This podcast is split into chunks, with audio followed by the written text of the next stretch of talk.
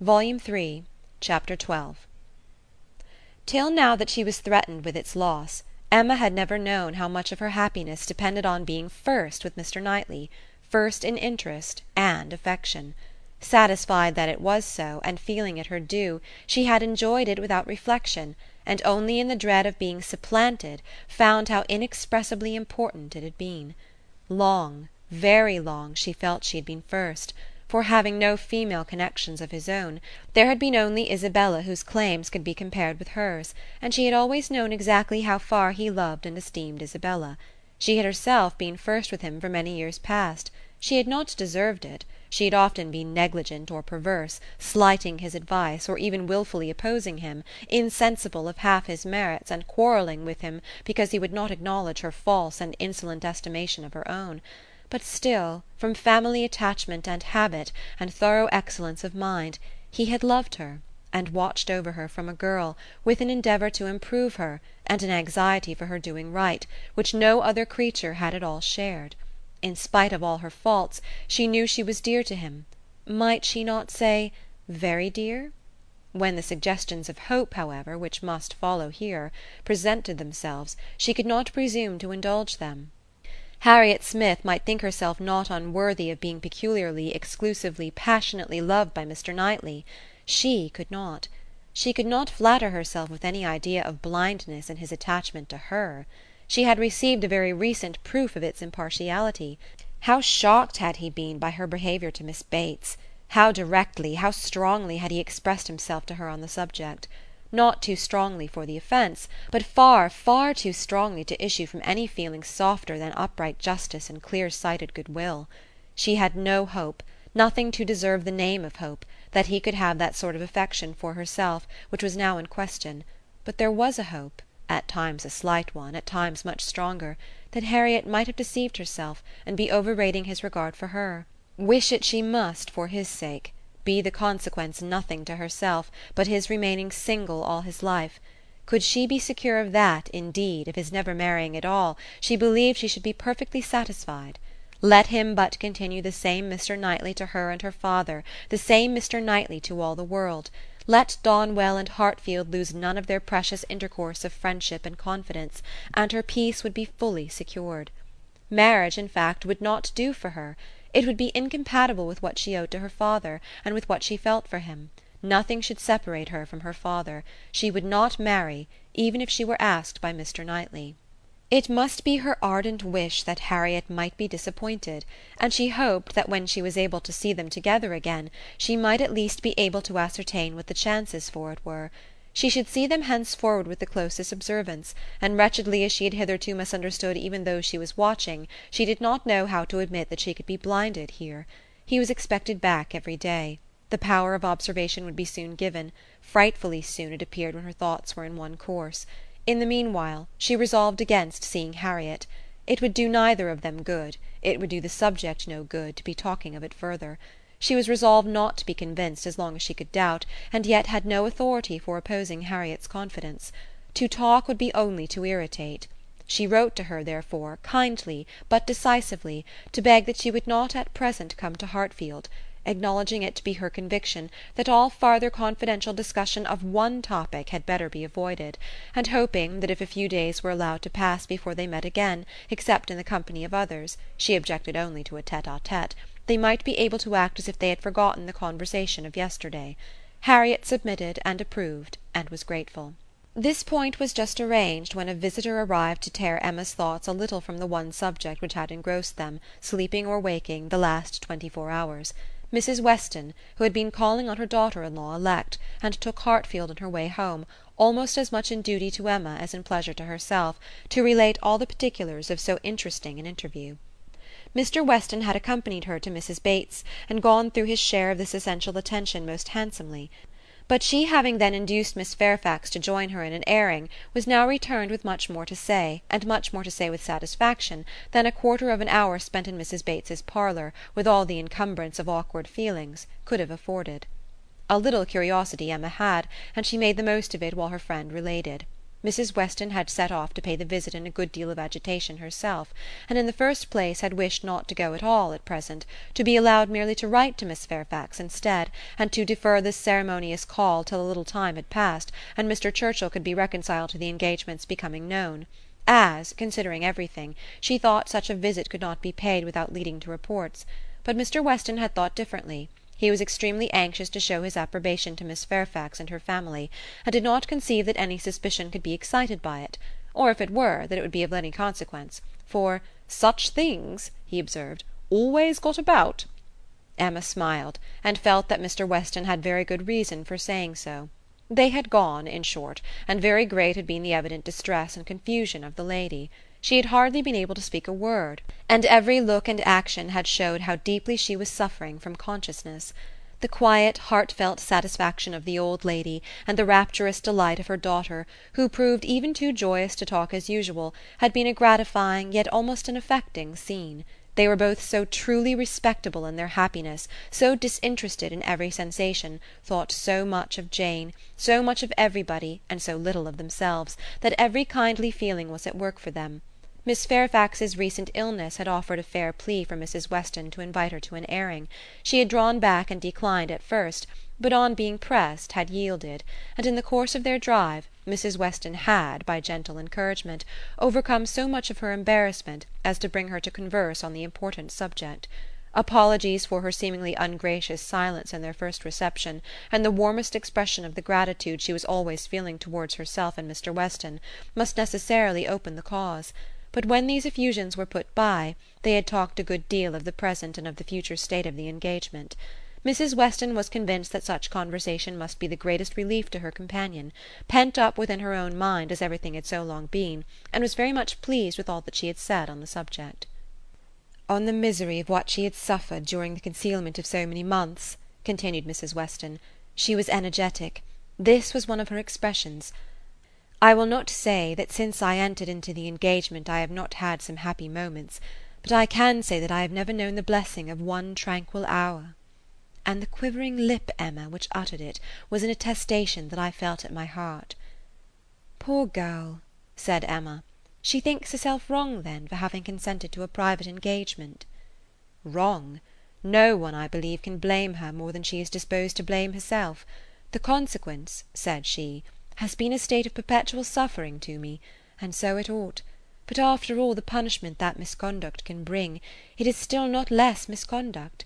Pain is no expiation. I never can be blameless. I have been acting contrary to all my sense of right, and the fortunate turn that everything has taken, and the kindness I am now receiving, is what my conscience tells me ought not to be. Do not imagine, madam," she continued, "that I was taught wrong. Do not let any reflection fall on the principles or the care of the friends who brought me up. The error has been all my own; and I do assure you that, with all the excuse that present circumstances may appear to give, I shall yet dread making the story known to Colonel Campbell." "Poor girl!" said Emma again. "She loves him, then, excessively, I suppose. It must have been from attachment only that she could be led to form the engagement. Her affection must have overpowered her judgment." "Yes, I have no doubt of her being extremely attached to him." "I am afraid," returned Emma, sighing, "that I must have often contributed to make her unhappy." "On your side, my love, it was very innocently done; but she probably had something of that in her thoughts when alluding to the misunderstandings which she had given us hints of before. One natural consequence of the evil she had involved herself in," she said was that of making her unreasonable. The consciousness of having done amiss had exposed her to a thousand inquietudes, and made her captious and irritable to a degree that must have been, that had been, hard for him to bear. I did not make the allowances, said she, which I ought to have done, for his temper and spirits, his delightful spirits, and that gaiety, that playfulness of disposition, which, under any other circumstances, would, I am sure, have been as constantly bewitching to me as they were at first. She then began to speak of you, and of the great kindness which you had shown her during her illness, and with a blush which showed me how it was all connected, desired me, whenever I had an opportunity, to thank you I could not thank you too much for every wish and every endeavour to do her good. She was sensible that you had never received any proper acknowledgment from herself. "If I did not know her to be happy now," said Emma seriously, which, in spite of every little drawback from her scrupulous conscience, she must be, I could not bear these thanks. For, oh, Mrs. Weston, if there were an account drawn up of the evil and the good I have done Miss Fairfax well," checking herself, and trying to be more lively, "this is all to be forgotten. You are very kind to bring me these interesting particulars. They show her to the greatest advantage. I am sure she is very good. I hope she will be very happy. It is fit that the fortune should be all on his side, for I think the merit will be all on hers." Such a conclusion could not pass unanswered by Mrs. Weston. She thought well of Frank in almost every respect, and what was more, she loved him very much, and her defence was, therefore, earnest. She talked with a great deal of reason, and at least equal affection; but she had too much to urge for Emma's attention; it was soon gone to Brunswick Square or to Donwell; she forgot to attempt to listen and when Mrs. Weston ended with "We have not yet had the letter we are so anxious for, you know, but I hope it will soon come," she was obliged to pause before she answered, and at last obliged to answer at random, before she could at all recollect what letter it was which they were so anxious for. "Are you well, my Emma?" was Mrs. Weston's parting question. "Oh, perfectly. I am always well, you know. Be sure to give me intelligence of the letter as soon as possible." Mrs. Weston's communications furnished Emma with more food for unpleasant reflection by increasing her esteem and compassion, and her sense of past injustice towards Miss Fairfax. She bitterly regretted not having sought a closer acquaintance with her, and blushed for the envious feelings which had certainly been in some measure the cause. Had she followed Mr. Knightley's known wishes in paying that attention to Miss Fairfax which was every way her due, had she tried to know her better, had she done her part towards intimacy, had she endeavoured to find a friend there instead of in Harriet Smith, she must in all probability have been spared from every pain which pressed on her now. Birth, abilities, and education had been equally marking one as an associate for her, to be received with gratitude, and the other, what was she? Supposing even that they had never become intimate friends, that she had never been admitted into Miss Fairfax's confidence on this important matter, which was most probable still, in knowing her as she ought, and as she might, she must have been preserved from the abominable suspicions of an improper attachment to Mr. Dixon, which she had not only so foolishly fashioned and harboured herself, but had so unpardonably imparted; an idea which she greatly feared had been made a subject of material distress to the delicacy of Jane's feelings by the levity or carelessness of Frank Churchill's. Of all the sources of evil surrounding the former, since her coming to Highbury, she was persuaded that she must herself have been the worst she must have been a perpetual enemy.